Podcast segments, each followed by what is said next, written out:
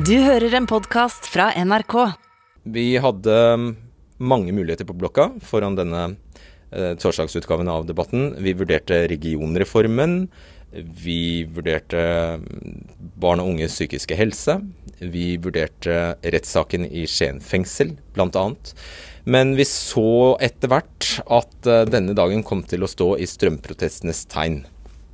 Og vi vurderte også at det var fremdeles, det er fremdeles eh, aspekter ved strømkrisen som vi ikke har eh, vært nøye innom. Jeg satte meg godt inn i hvordan strømpakken egentlig fungerer. Og eh, etter hvert som jeg gjorde det, så gikk det opp for meg at når jeg ikke til nå hadde skjønt det helt, så tippet jeg at det var ganske mange som ikke hadde gjort det. Og eh, jeg har jo også fulgt med på sosiale medier at det er mange som har blitt ganske overrasket over hvor lite støtte de har fått, og ikke minst hvor, lite, hvor vanskelig det er å forstå utregningen. Så det er utgangspunktet vi bruker uh, for uh, denne debatten. Det som skulle være Det som jeg tror har blitt oppfattet som 55% over 70 øre, er slettes ikke det. Det er veldig mye mindre.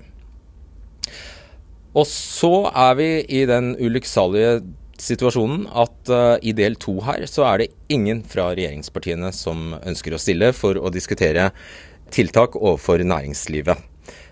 Det er veldig, veldig beklagelig. Og jeg redegjør uh, i sendingen for uh, hvem vi har prøvd og hvem vi har spurt. Det er alle relevante. Men ingen i regjeringsapparatet og ingen på Stortinget kunne eller ville stille.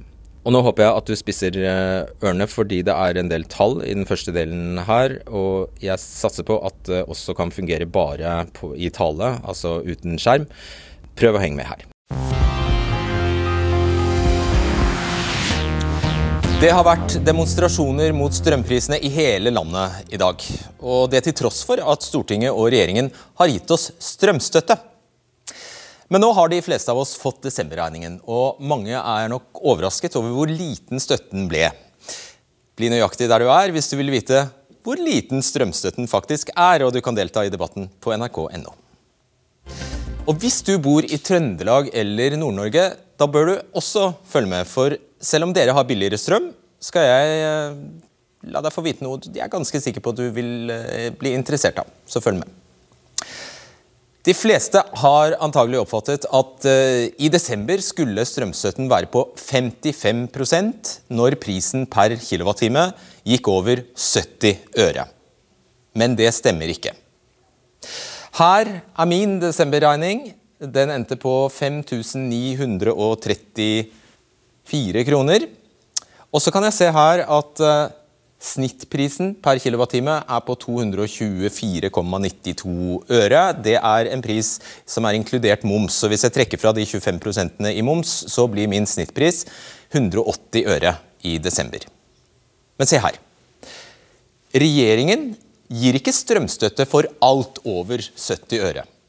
Vi får bare støtte for den delen som er i gult her, mellom 70 øre og snittet av spotprisen på Nordpol i desember, som er 178 øre.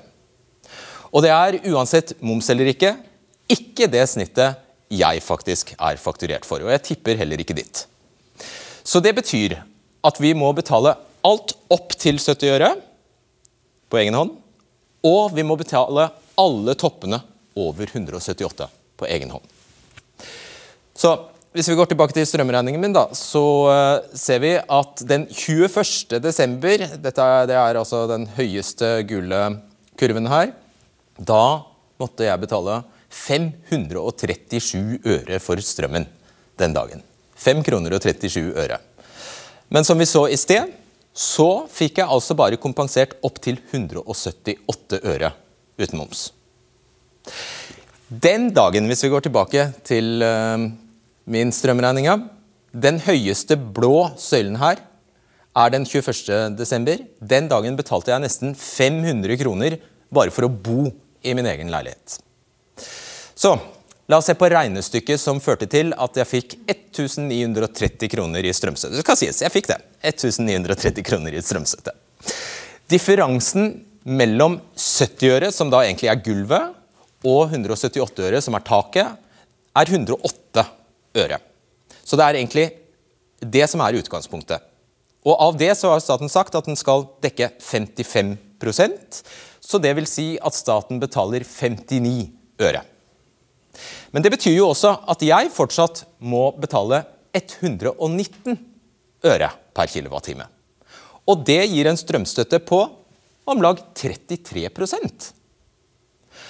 og så På toppen av dette, de 119 ørene, så kommer moms, nettleie, elavgift, elsertifikatavgift og Enova-avgift. Så min strømstøtte, når jeg regner ut fra den totale strøm- og nettleieregningen min, så kommer min strømstøtte på 26% i desember.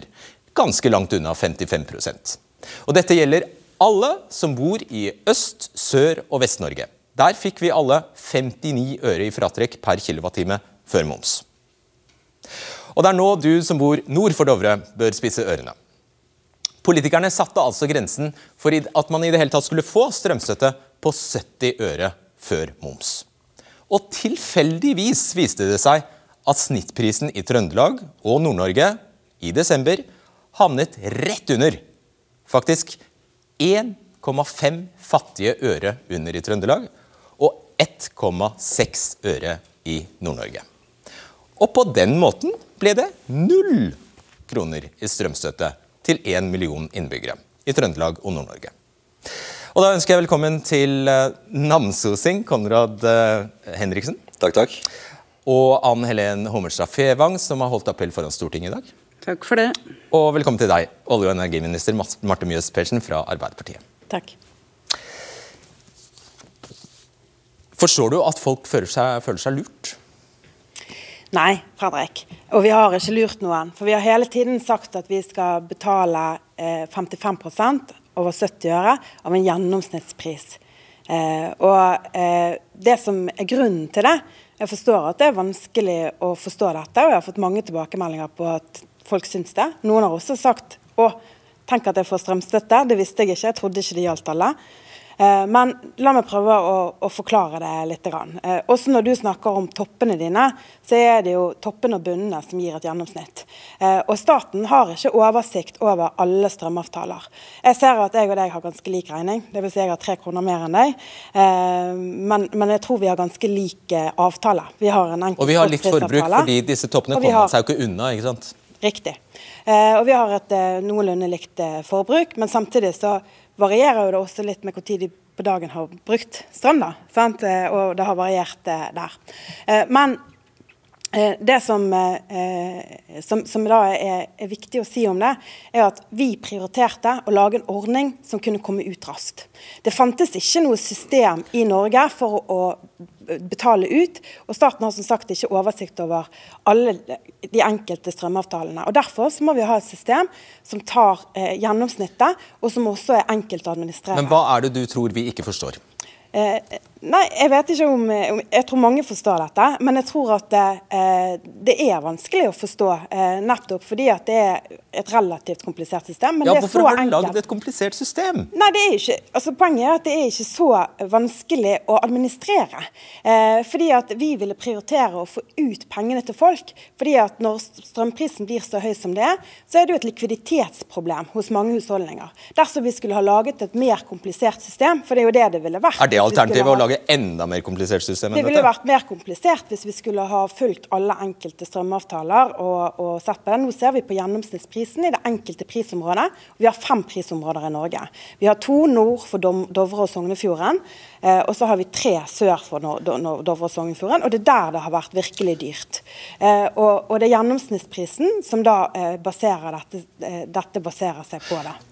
Hvorfor er ikke 55% 55% det er 55% av en gjennomsnittlig kraftpris, en spotpris, eh, som vi dekker. Og så peker jo du er helt riktig på at det er andre deler på regningen eh, som, som, man må betale. Men hvorfor eh, sa du ikke akkurat dette første dagen? Hvorfor sa du ikke at for de fleste vil eh, strømstøtten være på tre, mellom 20 og 30% Nei, Vi har sagt dette hele tiden. At det er en eh, eh gjennomsnittspris, en gjennomsnittsspotpris, som det baserer seg på.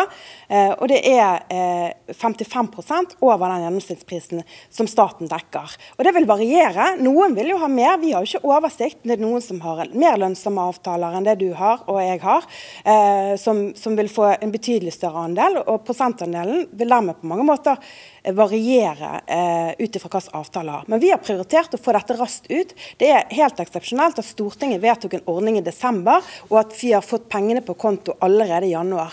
Hvis vi skulle ha gjort det på en annen måte, så måtte husholdningene ha båret likviditeten helt til man hadde en sånn ordning på plass. Og jeg tror at veldig mange familier der ute ikke kunne ha ventet med å få penger til mai, juni, april. Jeg hører du sier at det er det eneste alternativet her. Eh, men nå har vi fått det. Så det, jeg mener det er en gunstig ordning. Vi med alle de ordningene vi har fått på plass, denne strømsikringsordningen, bostøtte til de som trenger det mer, en reduksjon i elavgiften, ekstra studiestøtte, så er det til sammen over 14 milliarder kroner som går tilbake til husholdningene. Det er, det er liten trøst for pensjonister og studenter får støtte, da. Det er helt historisk. Men ja, ja. Eh, eh, det kan du kanskje si at er en trøst for deg, men jeg tror også at eh, mange av de studentene trenger ekstra støtte, men, og mer enn det du og jeg får. Men du, så glimrende kan jo ikke denne desemberløsningen ha vært, fordi dere gikk jo rett etterpå ut, ut, og sa at nå øker dere fra 55 til 80 Hvorfor gjorde dere det? Det var jo fordi at 11.12., desember, når vi la frem denne ordningen, så var den gjennomsnittlige kraftprisen i Sør-Norge på 164 øre per kWt. Og så så vi at den endte da på 177-178 øre, litt ut ifra hvilke prisområder det er. Og det var en mye større økning enn vi hadde trengt. Og vi så også, eh, og jeg sto bl.a. her eh, for ikke så veldig lenge siden eh, og hørte folk si at dette var for lite. Og jeg har lyttet også til tilbakemeldinger både fra folk, fra fagbevegelse og andre som har pekt på at det var for lite. Og derfor har vi økt 80% kompensasjonsgrad. og det vil gjelde da fra neste ja, regning av. Jeg vet, Det er nettopp det dere har gjort. så Det jeg egentlig lurer på, er om du har gjort Hvorfor kunne du ikke bare gjøre det med en gang? Prisen ble enda høyere enn det vi hadde sett for oss. Eh, og som jeg har sagt hele tiden, vi følger denne situasjonen. Men nå har jo prisen sunket. Det er veldig viktig. Idet du setter opp støtten, øker støtten, så synker prisen. Er ikke det fantastisk? Ja, dette er veldig rart. Ja. Nei, ja, altså, og det er jo et marked, så prisen vil jo variere. Og det er veldig vanskelig å spå fremover. Så det er derfor vi er nødt til å følge situasjonen tett. Men det som er bra med denne ordningen, Nei, er jo at prisen, ja, hvis prisen øker, så vil du også få mer igjen. sant? Og når den synker, så får du litt mindre. Det som er dumt med den, er at det virker som at dere egentlig gjør sånn. For ingen kan spå strøm, eh, strømprisen. Og så starter dere veldig lavt, og så kommer reaksjonene, og så må dere gi etter, og så øker dere kompensasjonen, men da synker prisene. Så dere, Derfor så gjentar jeg spørsmålet. Burde du ikke, når, når fasiten min og til de fleste her blir på mellom 20 og 33 burde dere ikke ha dratt til fra starten? Det er eh, eh en 55% over en spotpris en gjennomsnittspris på 70 øre. Eh, og Den prosentandelen som du viser til, den varierer eh, på veldig mange regninger. Og det er den måten vi kan gjøre Ja, Men den kan ikke komme så særlig mye over 33% faktisk. Ja, Men vi snakker jo nå om at, at uh, det, det, er matte. Det, ja, det, men, det, men det, er også matte eh, å regne ut fra en gjennomsnittspris. Eh, fordi at der har du tatt høyde både for for En gjennomsnitt er jo nettopp snittet ja, mellom de høye og de lave. Du, du, så det blir litt rart å si at ikke eh, man kompenserer for toppene. Ja, ja man gjør det. Man, dere gjør jo det siden vi får et, et snitt, men det som virkelig gjør lasset tungt å, å dra, det er toppene. Ja, men vi har altså historisk sett eh, gitt en utrolig god ordning. Og jeg har fått også mange meldinger ut fra mange mennesker rundt omkring i landet som syns at eh, vi har vært ganske rause og har satt pris på at de har fått tilbake igjen Unnskyld, 1700 kroner, 865 det, kroner. Jeg har fått ja, mange bare, eksempler på dette. I, i, og mange har fått betydelig mindre enn det som eh, Ja, men jeg må bare arrestere deg i ordbruken. Fordi jeg tror Dette er en antakelse. Mm. Men jeg tror de fleste føler at dette er penger som urettmessig blir tatt fra dem. Som ikke er ditt privilegium å dele ut egentlig. Når du sier at det er en raus ordning. Tror ikke du det? Jo, altså jeg tror mange opplever at det er urettferdig at prisene har blitt så høye. Nei, At det er eh, feil at disse pengene tas fra dem. Ja, Men det, det er jo slik at kraften har en pris. Eh, og Det er jo fordi at eh, vi har bl.a. et regulerbart eh, vannkraftsystem som gjør at hvis ikke produksjonen følger på mange måter forbruket, så kan vi risikere at det går tomt. Eh, og vi kan risikere at eh, prisen legger seg for høyt hele tiden. Så Det er mange grunner til at vi har gjort det på akkurat denne måten. Og I dag skal vi ikke dypt inn i kabler og, og alt det der. Jeg, skal, jeg lover deg. Vi holder, men, prøver å holde Jeg har lyst til å si det, fordi at Du nevnte jo disse ja. strømdemonstrasjonene i dag. og Jeg har i hvert fall lyst til å si det, at jeg syns det er viktig og positivt at så mange engasjerer seg i en av de aller viktigste politiske debattene i vår tid, som nemlig handler om hvordan vi skal unngå at dette skal skje i fremtiden. Der kom du henne i forkjøpet. Det er deg, Ann Helene Hommerstad Fevang. for du har holdt appell foran Stortinget i dag. Ja, det har jeg gjort. Du er sykepleier fra Hedmark, eller Innlandet. Eh, mm. Hommerstad, hvis jeg sa feil. Eh, Hommerstad Fevang. Ja, Fevang. Mm. Hva, hvorfor har du engasjert deg så sterkt? Nei, altså, vi, vi, er mange i dette landet her. Vi er eh, langt over fem millioner folk. Og det er folket jeg er ute etter å hjelpe. Det er mange som sliter uti her med å ikke få ting til å strekke til. Spesielt de som har lite fra før. Eh, de som har lite fra før, de eh, tør ofte ikke å komme med sin stemme. Derfor har jeg lyst til å være deres stemme. Så jeg tenker veldig mye på de som er bl.a. minstepensjonister, uføre, studenter og eller alle de aleneboende her i landet. Og der skjønner jeg det sånn at uh ja, Strømprisen eh, angår oss jo alle, også, også deg selvfølgelig. Men der har, mm. du, der har, du, noen bekjente som kjenner det ekstra hardt? Ja, altså jeg har noen bekjente, ganske nært bekjente, som har eh, kanskje ei inntekt på 14.500 i måneden. Og så har de eh, etter skatten av tid, da, hvis de får da bostøtte, så kan de være heldige å få en inntekt på 17 001. Men utgiften er jo 13 007 uten strømmen inklusiv. Og hvis den du trekker fra den tusenlappen de hadde som var status i 20, januar 2021, så sitter de igjen med 3004. Slik er det ikke akkurat nå. Resten av høsten og fram mot desember og nå i starten på januar. Så jeg tolker det som at du er ikke en av de som har sendt koselige meldinger til uh, Marte Mjøls Persen og sagt eh, det er en rausordning? Nei, altså som jeg sa i appellen min, jeg er ikke videre imponert over uh, disposisjonene til noen av politikere som entrer Løvebakken, for å være helt ærlig. Hva ber du om? Nei, altså det bør være en makspris på strømmen. Om det du bor i nord eller sør eller øst eller vest i Norge, spiller ingen rolle. Lik pris bør være for alle. Vil du svare på det? Ja, eh, For det første så er det jo mange som sliter sant? Eh, med høye strømregninger, eh, og som det er vanskelig for. Og Det er jo bakgrunnen for at vi så behovet for å komme med en kriseordning. Og derfor har vi gjort det. Og Så forstår jeg òg veldig godt ønsket om en makspris, fordi at det kunne vært på en måte forutsigbart for alle. da. Men samtidig så er det sånn at det er noen problemstillinger knyttet til det å lage en makspris. Fordi at hvis du setter den prisen for høyt, så kan vi risikere at vi betaler for mye for, strømmen hele tiden. Jeg tror ikke de er interessert i å sette den høyt, eh, Persen. Nei, jeg tror de vil sette den ganske lavt. Men hvis du setter den eh, for lavt, så kan vi risikere at vannmagasinene våre går tom. Eh, og at vi derfor får en helt annen type krise, som handler om at vi må rasjonere strøm. Eller i verste fall at vi får strømutfall. Altså at strømmen okay. går i store deler av landet vårt. Trekke oss tilbake til Så vi er nødt til å vurdere oss ja, disse tingene når vi skal se på dette. Jeg skjønner det, men hvis vi bare vil hva, hva, hva skal Fevang og de som lever på 3000 kroner og mindre enn det i måneden gjøre nå? For det første så ønsker jo ikke mitt parti at, at, mange skal leve på så lite penger. Og vi har et eh, samfunn der vi skal ha en omfordeling på en helt annen måte.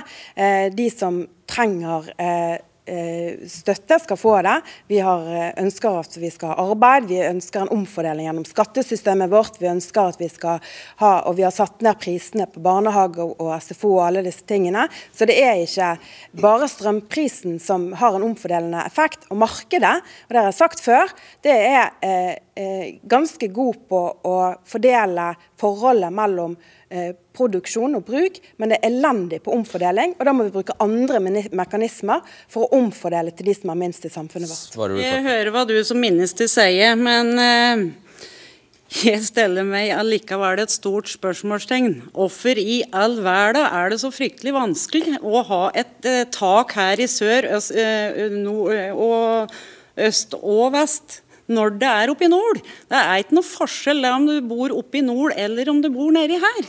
Vet du hva? Jeg, vi, la, vi, skal fortsette maksprisdebatten eh, snart, så du skal få svare eh, ytterligere på det. Nå eh, til deg, Konrad Henriksen. Du bor altså i Namsos i Trøndelag. Det stemmer. Eh, og eh, du har også fått, du har fått en veldig høy strømregning. Hva var den på? 7000. 7000. Overkant av 7000 kroner ja. for desember. Og men så bor du altså i Trøndelag, så hvor mye strømstøtte har du fått? Null. Ja. ja. Ingenting. 7000, da høres du som du er en sløser? Og... Eh, Nei, jeg er ikke det. Jeg har de siste årene bytta ut alt av eh, lys og lamper i huset til ledd for å, for å spare på strømmen. Jeg er ikke av dem som står lengst i dusjen, men jeg forter meg heller ikke. Men jeg sløser ikke strøm. Jeg bruker det jeg må bruke. Vi bor i et langt og kaldt land. og det er det er fra sør til nord. Vi er avhengig av å bruke strøm for oppvarming og rengjøring. og ja, ja og du, du, bor i et trekkfullt uh, hus, og du har foreløpig råd til å etterisolere én vegg? Jeg har tatt én vegg, mm. ja.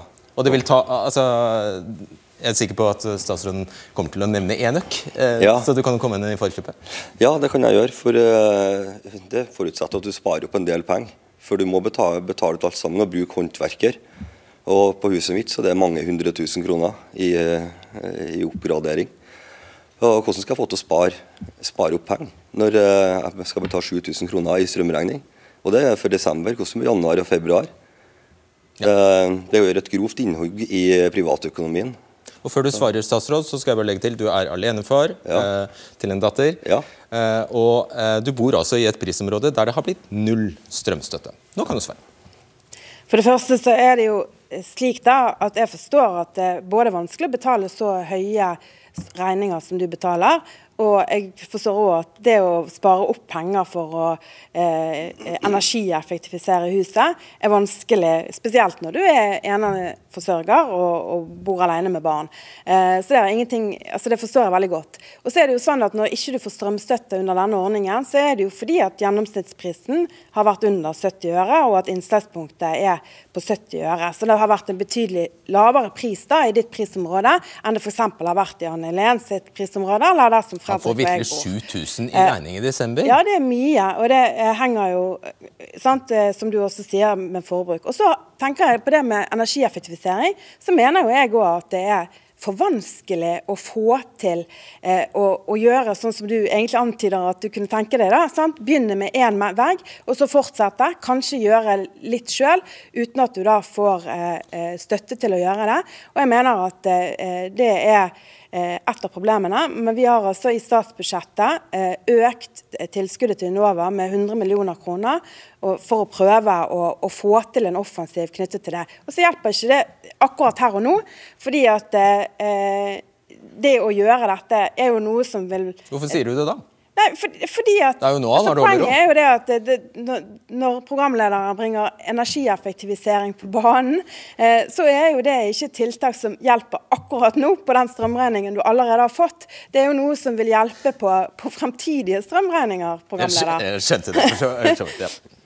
Har, hva har det gått utover, disse, disse 7000 kronene? Nei, altså De vil jo gå utover hva en kanskje skal gjøre på fritida. Uh, en må tenke seg om hvis en skal kjøpe seg klær. Men uh, en kan ikke spise kan vil til middag eller reelt, egentlig. En må jo, det går jo utover alt sammen. Det er jo en helhet. For Du sitter igjen med en viss, viss pott etter at alle regningene er betalt, og det skal fordeles utover månedene til sparing og til, til mat, til klær, toalettartikler, fritidsaktiviteter. og det må plukkes litt av alt, da, kort og godt. Hva syns du om det hun svarer her? Nei, Jeg hører store ord, men det ligger lite bak. Når, sånn som jeg så i stad, at vi er nede på 20, noen og 20% på den støtta vi egentlig får, så er jo det intet mindre enn et hån mot den norske skattebetaler og det norske folk. Det er, det er tragisk at det ikke gjøres mer. For på toppen av alt sammen så står jo nettleia. Og den har vært uh, Veldig ofte så har jeg større nettleie enn jeg har strømregning. Så jeg ringte med et lokale selskap her og spurt litt på humoristisk måte om jeg skulle betale hele utenlandskabelen alene. Da, jeg syns det er skremmende, den utviklinga som skjer. Vi har jo også det at det går, rentene går opp, drivstoffet går opp, matvarene går opp, og så har du jo strømprisen.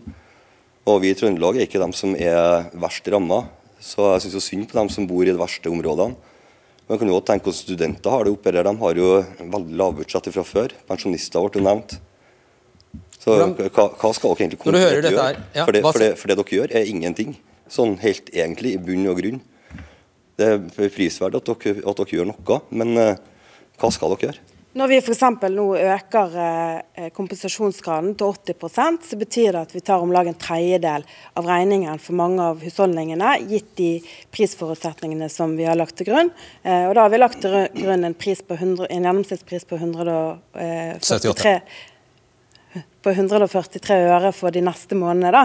Eh, ja, de, ja, sant? De ja. Med 80 kompensasjonsgrad eh, på gjennomsnittspris på 70 øre. så Det har jeg sagt det veldig tydelig. Men jeg har også eh, eh, eh en, en, veldig jeg forstår at det er vanskelig, men vi har altså et strømsystem i dag eh, som jeg mener at vi også må gjøre noe med. Du nevner jo bl.a. nettleien. Mm. Eh, vi har et stort behov i Norge i dag for både å oppgradere nettet vårt. Vi har eh, behov for å eh, få mer overføringskapasitet, sånn som eh, fra indre strøk av landet vårt. Er du på vei til å gjøre noe, forsvare at nettleien er høy? Industri. Nei, men jeg sier at da mener jeg at vi må se på også hvordan vi skal gjøre det. Og nå er det jo bl.a. en åpning for at vi kan bruke mer anleggsbidrag eh, til å eh, eh, bygge ut nettet. sånn at...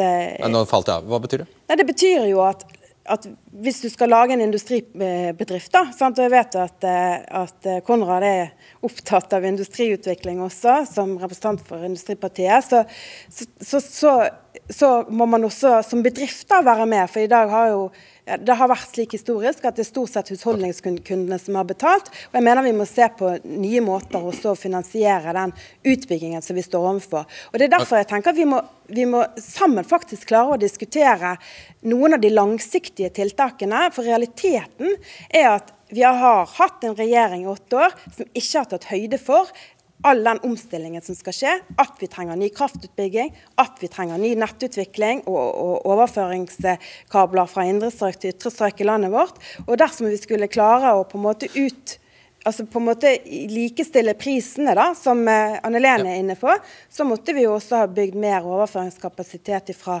fra nord til sør. Altså, det har vært en idé å gjort det før en bygde utenlandskabler? Ja, det kan du si. Eh, det er faktisk ikke gjort. Eh, jeg kniper, jeg kniper kabeldiskusjonen der. Av disse tingene ja. eh, nå. Ok, Jeg må takke dere så mye for at dere kom. Hjertelig takk til Konrad og Anne Len. Takk. Og jeg slenger på et takk til deg også, statsråd, for at du står her og, forsvarer regjeringens eh, politikk. Det skulle eh, bare mangle. Det er godt du sier, eh, fordi du skal nemlig Det er ikke over! Du skal nemlig få en kritiker til her. Og det er jo tilfeldigvis en representant for det forrige regimet, eh, delvis. Eh, Sylvi Listhaug, velkommen til deg. Tusen takk. Jeg tror vi starter der, faktisk. Fordi din forgjenger i Olje- og energidepartementet, Tord Lien, sa til Teknisk Ukeblad Han i 2013 Nye utenlandskabler er et viktig virkemiddel for å få høye nok strømpriser til at det blir lønnsomt å bygge ut fornybar energi her i landet. Nå, i de siste dagene, så har stortingsrepresentant Frank Sve beklaget at dere bygget ut bygget utenlandskabler. Eh, dere, har dere noe troverdighet i det hele tatt på dette området? Absolutt. Men nå begynte de kablene og prosessen rundt dem ved den, altså Stoltenberg-regjeringa sist gang, og så tok vi det videre. Men det er helt klart at sett i lys av det som nå har skjedd i Europa, der klimapolitikk og energipolitikken fører til en uansvarlig utvikling Du legger ned da kullkraftverk, du legger ned kjernekraftverk, erstatter det med sol og vind som er helt væravhengig, så ser vi det at dette har ført til store problemer for det norske markedet. Så nå angrer dere, for å ta kort, kortversjonen? Altså, jeg tror at Hvis vi hadde sett det bildet vi ser i dag, så tror jeg nok det hadde vært uh, gjort noen andre vurderinger. Men det som nå er problemet, er jo at vi har en regjering som står og deler ut almisser til folk, og snakker med store ord om, med empati. Problemet er bare at det som skjer nå, er at folk blir flådd.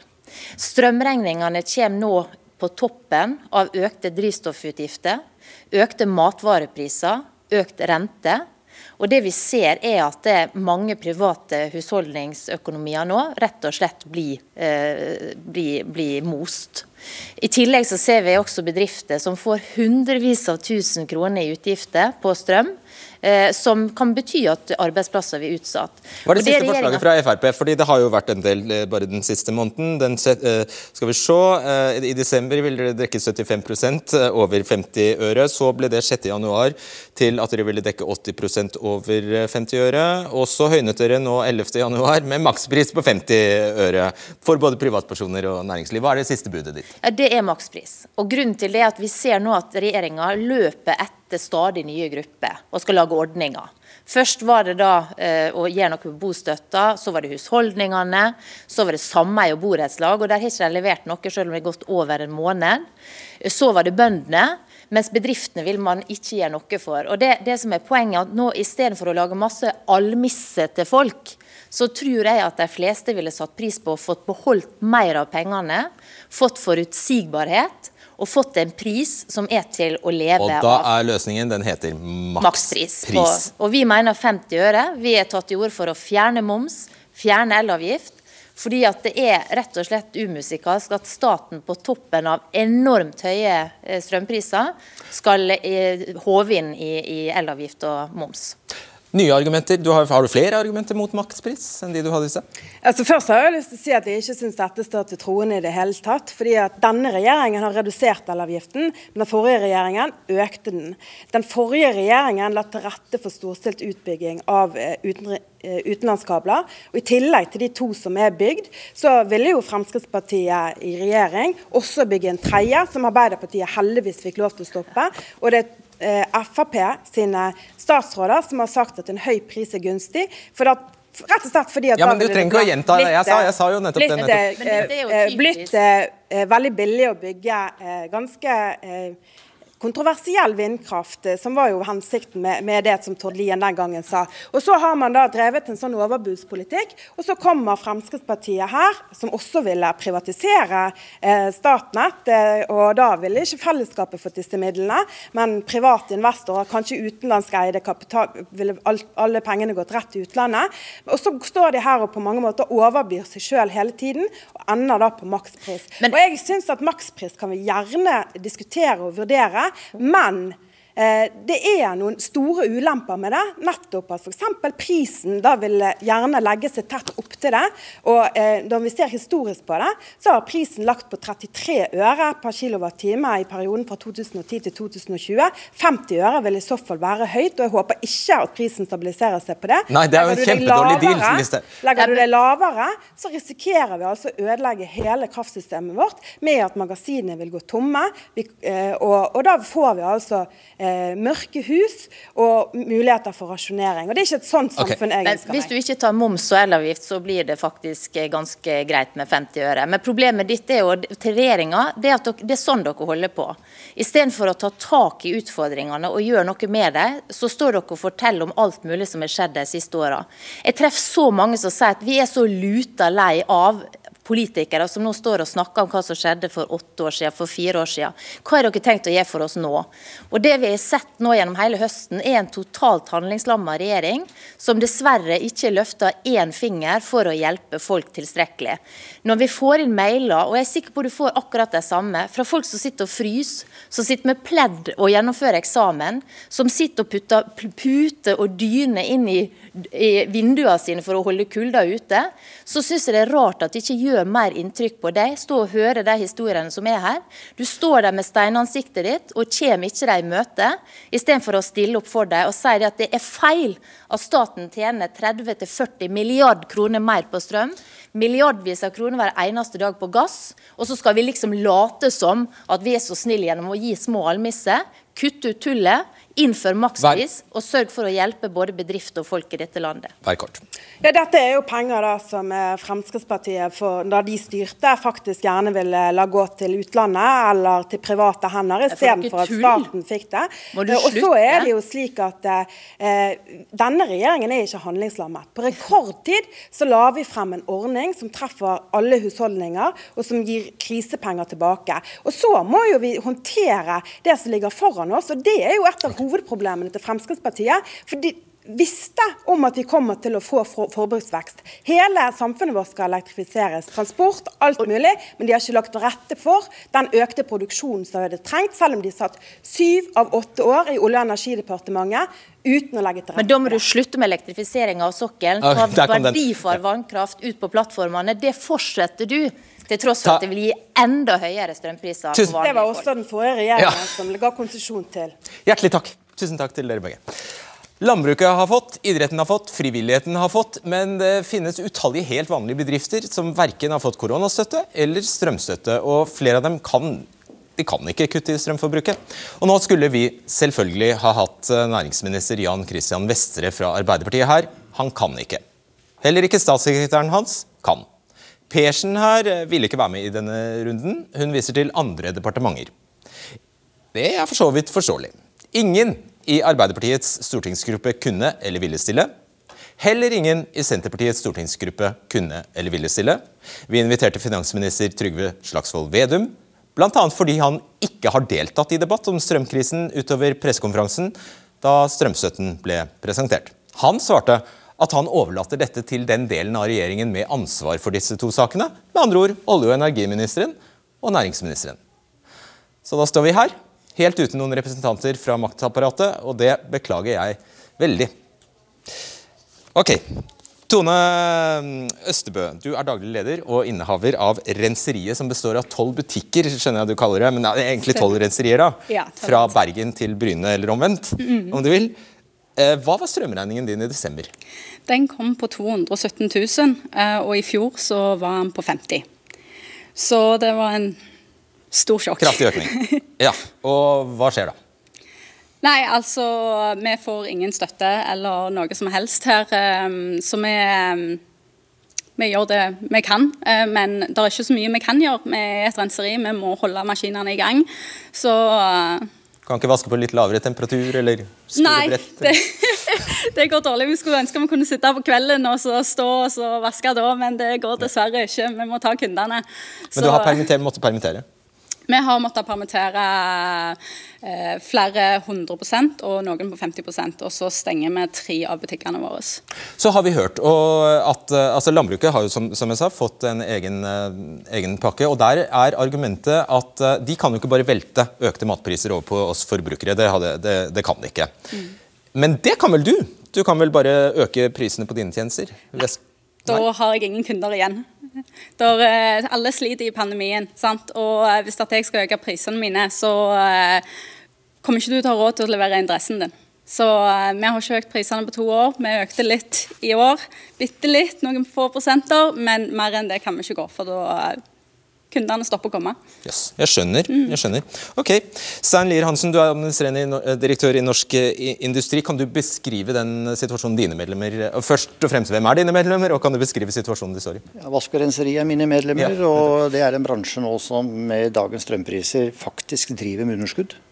Vi har støperiene våre, Ulefoss f.eks. Eh, en betydelig strømregning. Du kan gange det med fem i forhold til hva de har budsjettert for bruk av strøm. Vi har designindustrien, Jøtul, Matshus. Ja, jeg kan bare fortsette å ramse opp og ramse opp. Og det er små og mellomstore bedrifter som har et relativt høyt energiforbruk for å produsere sine varer. Og veldig mange av dem er låst i lange kontrakter med sine kunder, og kan ikke bare hvelve økte utgifter over på kundene sine. Men vi har jo også hørt at eh, nettopp industrien har sånne kjempegunstige, langsiktige strømavtaler? Ja, altså det er kraftkrevende industri. Altså okay. De som virkelig er kraftkrevende, altså smelteverka våre, aluminiumsindustrien og, og, deler av skogindustrien, de er prosessindustri. Og de har sikra seg, ikke 100% men de har sikra en stor andel av strømforbruket sitt gjennom lange kontrakter. Og Det er kontrakter hvor de betaler ganske mye når strømprisen er lav, men så blir de sikra mot disse enorme svingningene når strømprisen er høy fastprisavtale, da, egentlig. Ja, det er ikke det. Det er litt mer avansert, men du kan godt sammenligne det med det. Men det er variasjoner i avtalen. Og hvis regjeringen hadde vært her, hva hadde du krevd av dem? Nei, Det jeg hadde krevd, er at vi nå utnytter handlingsrommet til EU, eh, for det er handlingsrom innenfor EØS-avtalen, til å gi kompensasjon eh, i en kort periode, så lenge den type bedrifter som er representert her, og, eh, og andre bedrifter, får en strømregning som er fem ganger høyere enn det de har budsjettert med. Da er det ordninger som kunne ha gitt en midlertidig kompensasjon for å få dem over kneika, for å slippe permitteringer, nedstengninger, og dermed også opprettholde kunder. Ta, ta Defa, som lager verdens mest avanserte ladesystem for biler, har internasjonal eller europeisk bilindustri som, som kunder. Investerte 150 millioner, ansatte 60 stykker på Nesbyen. De hadde aldri tatt den investeringa i Norge, hadde de visst hva som møter dem. Og De har altså kunder eh, som er de tøffeste i verden, nemlig europeisk bilindustri. og det er de, de, de, kundene har lokka prisgapet, og de kan ikke ta igjen disse utgiftene med økte priser. Også alle de som vil etablere batterifabrikk i akkurat Norge, tipper jeg skjærer tenner eh, om dagen. Tror du ikke det? Det er ikke noe gunstig, nei. Bjørnar Moxnes, hvis, uh, leder i Rødt. Hvis du var regjeringen, hva tror du Eller la, la la, la oss fantasere. Hva hadde regjeringen svart til dette? Eh, kanskje noe utenomsnakk, kanskje noen eh, bortforklaringer eh, og, få klare svar. Det de burde ha sagt, det er at vi skal bevare vårt viktigste varige fortrinn, som jo er billig strøm fra ren vannkraft. Det er forutsetninga for det meste av verdiskaping i Norge. Eksportinntekter, arbeidsplasser, sysselsetting, verdiskaping. Men nå har vi stelt oss sånn at prisen på norsk vannkraft til norske kunder, også til uh, renserier, den uh, er underlagt et børsbasert og EU-regulert frihandelsmarked. Og da hjelper ikke, sånn som regjeringa sier da, i enhver debatt, at vi skal bygge ut mer vannkraft, legge verna vassdrag i rør, bygge mer vindkraft på land. Altså Lykke til med det, for å si det sånn. Fordi om du pøser inn mer fornybar kraft, så vil vi bare få mer krafteksport. Du får ikke ned prisene. Så det er den naturlige løsningen?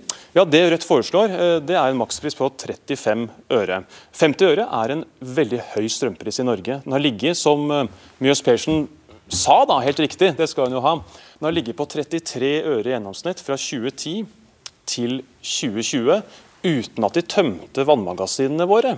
Så Mjøs Persens argument mot makspris, at da tømmer vi vannmagasinene våre, har vi jo prøvd ut, da, kan du si i praksis i de foregående ti åra. Prisen lå på det nivået i snitt. Vi tømte ikke vannmagasinene våre, men vi sikra overlevelsen til næringslivet, og vi unngikk større forskjeller, som vi vil få med enda større strømpriser. Så mitt svar er jo at uh, mange forventer at en Arbeiderparti-ledet regjering tar styring og regulerer markedet. Når NHO-toppen Stein Lier Hansen og, Rødt er enig i at vi ønsker systemendring av energimarkedet. Da burde det gjøre inntrykk på regjeringa. Kjell Ingolf Ropstad, stortingsrepresentant for eh, KrF. KrF. Hvordan vil du redde bedriften til eh, Østebø? For meg gjør det stort inntrykk. Altså, strøm er et fellesgode i Norge, og det er KrF sitt utgangspunkt. Så vi ønsker jo en makspris, eh, der vi sier at kunder, altså alle sluttbrukere, om det er husholdning, frivillighet, næringsliv, så betaler du ikke mer enn 50 øre kilowatten for strømmen. Eh, og en skal huske det at eh, Tradisjonelt eller historisk så har vi hatt lave strømpriser i Norge. Det er et fortrinn. Derfor har vi innretta oss etter det. Derfor bruker vi mye mer til oppvarming. Derfor er det lønnsomt med litt annen type industri i Norge enn i andre land. Og Min frykt er jo at hvis en ikke tar drastiske grep, så mister vi mange viktige arbeidsplasser. Vi mister fortrinn. og Derfor så er jeg nok like overbevist som Bjørnar på at dette er den final conclusion og liksom det eneste vi skal gå for. Men KrF ønsker strakstiltak. Og Da mener vi at makspris på 50 øre det bør være bra. Må huske at snittet er 33. Det betyr at innimellom så er det litt høyere, og på sommeren så er det litt lavere.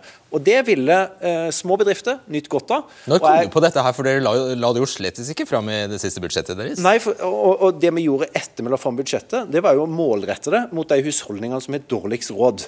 Men det jeg så gjennom denne, de siste to månedene, det er at regjeringa Først så kom de til noen husholdninger, så kom de til bøndene, så kom de til frivilligheten. Og så har de glemt Den norske kirkefrivilligheten, så har de glemt, næringslivet, så har de glemt masse forskjellige ting. Det er et, det er et lappeteppe som Det funker ikke. Der er makspris en mye bedre løsning. Da betaler du 50 øre. og det, det du ikke må glemme, det er at det er kommunene, det er fylkene, det er staten som håver inn med penger. Det er det offentlige. Og jeg mener at Når du til utgangspunktet at dette er et fellesgode, så bør det være mye bedre investering at bedriftene faktisk går rundt, at folk slipper å fryse, enn at staten skal tjene store summer. En makspris hadde hjulpet? Det er veldig vanskelig å si. Det er kanskje en løsning, men jeg For meg så er det viktigere at folk begynner å tenke på oss. Det er største problemet gjennom hele pandemien og med strømmene og alt, at vi er helt glemt. Vi er satt mellom to stoler, og nå er noen nødt til å begynne å legge merke til at vi finnes her, og vi trenger å være her. Ja, nå må vi handle raskt. Det er en akuttsituasjon. Vi må hindre at bedrifter som hun representerer nå blir permittert, eller at vi mister internasjonale kunder. Bruk, ta Et eksempel for deg. EU har en ordning som heter bagatellmessig støtte. Det betyr at hennes bedrift kunne ha fått en kompensasjon på opptil to millioner innen tre år. Uten at det strider med noen konkurranseregler? Ikke noen regler. Det er en ordning som er helt clean. og Det hadde hjulpet henne, det hadde hjulpet mange andre. Og så fikk vi tatt den store energidebatten seinere. Men nok en gang i mangel av regjeringen, hva tror du de ville svart til det? Nei, Nå jobber vi med det, og jeg regner med at dette blir utreda. Eh, men hadde regjeringa vært her nå altså Det er jo en grunn til at de ikke er her. De det tror jeg. De er ikke klart å svare, Men ordningen er bare å iverksette. Den er helt grei. Det er mange som uh, syns det er litt rart, fordi at de store EU-nasjonene tar jo nå grep. De regulerer markedet. altså Frankrike og Macron går inn med makspris. mens Norge er altså mer katolsk enn paven. Vi er ikke engang med i EU, men er mer EU-lojale enn EU-landene sjøl. Men en ting jeg lurer på med, med makspris, Skal vi slutte å eksportere? Skal du la, legge kablene brakk? Eller hva, eh, skal, skal vi ikke ha utveksling? Hva er planen? Vi sier at uh, all kraft til norske kunder uh, skal ha en makspris på 35 øre per kWt. Når du har dekka det innenlandske forbruket, kan du eksportere alt du har til overs, gjerne til en høyest pris som mulig via Nordpol, men krafta solgt til norske kunder skal ikke være på EU-pris. Og Det er derfor en systemendring, fordi som også norsk industri peker på, at energi er en strategisk ressurs. Det er ikke en ren kommersiell handelsvare. Hvis vi behandler kun som handelsvare, så vil vi få import altså av EU-priser herfra og de kommende 10-20-30 åra. Så makspris trengs for å sikre både husholdningene og ikke minst også næringslivet landet rundt. Eh, Konkurransetilsynet syns det er en veldig dårlig idé. Men eh, makspris, har dere sjekket hva som vil skje? Det er jo et drastisk tiltak. Har dere sjekket hva som vil skje f.eks. med eh, Sverige og Danmark og Tyskland, vil de være villige til å sende strøm til oss når vi trenger det, hvis vi, hvis vi kobler ut? Det er derfor jeg mener at vi bør ikke lande på det nå. Altså, midt i krisa er ikke nødvendigvis du skal lande de endelige løsningene, men det er fullt mulig å bruke dette i januar, februar, mars gjennom vinteren. Så kommer våren og strømmen kommer til å bli billigere. Og Så må vi derfor bruke tida nå fram igjennom til å få kontroll på utenlandskablene. Poenget med det var jo mellomlandsforbindelse, at du skulle sende strøm fram og tilbake. Nå har en endelig snudd Danmarkskabelen, men vi må sikre at vi får billig kraft kraft i Norge. Og så er jeg enig med Bjørnar, kan heller eksportere. For vi kan hjelpe Europa til å få vekk gass, eller helst kull, for å få det miljøvennlig. Men, og da kan vi tjene penger. Du må ikke glemme at når det virkelig blåser og vindmøllene går for fullt i Danmark, Tyskland og Sverige, så kommer det billig kraft uansett, for du må bli kvitt den. Okay. Vi lar det være Tusen takk og masse lykke til til deg. Ja, og takk til dere. Eh, det var det vi hadde å by på i kveld. Og hvis du ikke rakk å kaste fra deg det du hadde i hendene og slå på debatten i tide, da kan du alltid se oss i appen NRK TV. Og du kan skrive til oss på debatten nrk.no. Vi ses tirsdag. Noe av det som slår meg med dette temaet, er at uh, det er vanskelig å avgrense det. Man kan ta utgangspunkt i Eh, strømstøtteordningen og avbøtende tiltak, som f.eks. makspris. Men man havner nesten uvegerlig i en diskusjon om det store eh, kraftutvekslingssystemet. Og alt det det innebærer. Elektrifisering, eh, kabler, vindkraft osv. osv. Fornybar energi. Og det er jo riktig, for det er jo det det handler om. Men det gjør det også veldig krevende å eh, ramme inn disse debattene og avgrense dem. Men eh, det var et forsøk, i hvert fall. Ja, vi starter med blanke ark på tirsdag igjen. Jeg håper du eh, følger med oss da også. Takk for at du hører podkasten av Debatten. Du har hørt en podkast fra NRK. De nyeste episodene hører du først i appen NRK Radio.